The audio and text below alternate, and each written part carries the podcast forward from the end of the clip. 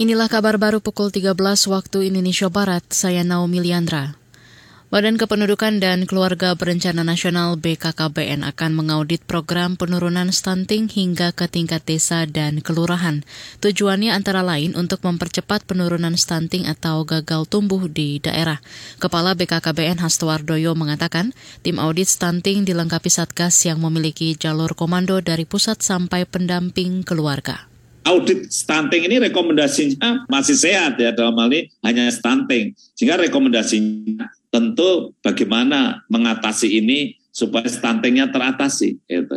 Atau bahkan mungkin ini bukan kasus stunting, tapi ini kasus yang punya masalah lain. Gitu. Nah, inilah harapan kami dari uh, audit stunting ini, karena audit stunting itu menyangkut masalah medical record atau data yang sifatnya individu. Jangan lupa kerahasiaan itu menjadi bagian penting. Kepala BKKBN Hasto Wardoyo menambahkan audit juga untuk mencegah lahirnya bayi stunting. Kelompok sasaran antara lain ibu hamil dan balita yang berisiko stunting.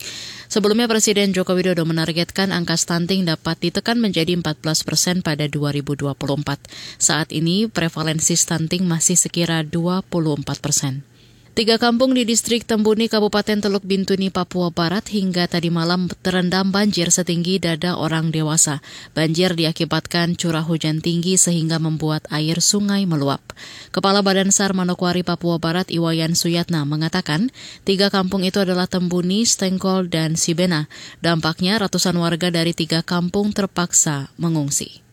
Banjir yang terjadi di Teluk Bintuni kita kerahkan uh, satu tim untuk menuju lokasi tersebut. Di situ ada tiga desa yang uh, terdampak. Kita akan berusaha mengevakuasi warga-warga atau penduduk di situ yang memerlukan uh, bantuan evakuasi. Dari Basarnas menurunkan uh, satu tim untuk membantu tanggap darurat banjir yang terjadi di Teluk Bentuni.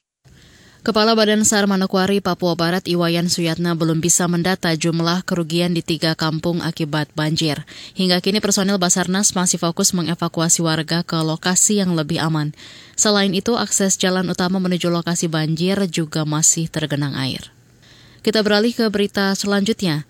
Jonathan Christie tampil kurang konsisten pada babak kedua Singapura terbuka. Hasilnya Jojo harus kandas setelah memainkan tiga game lawan wakil Jepang Kodai Narauka.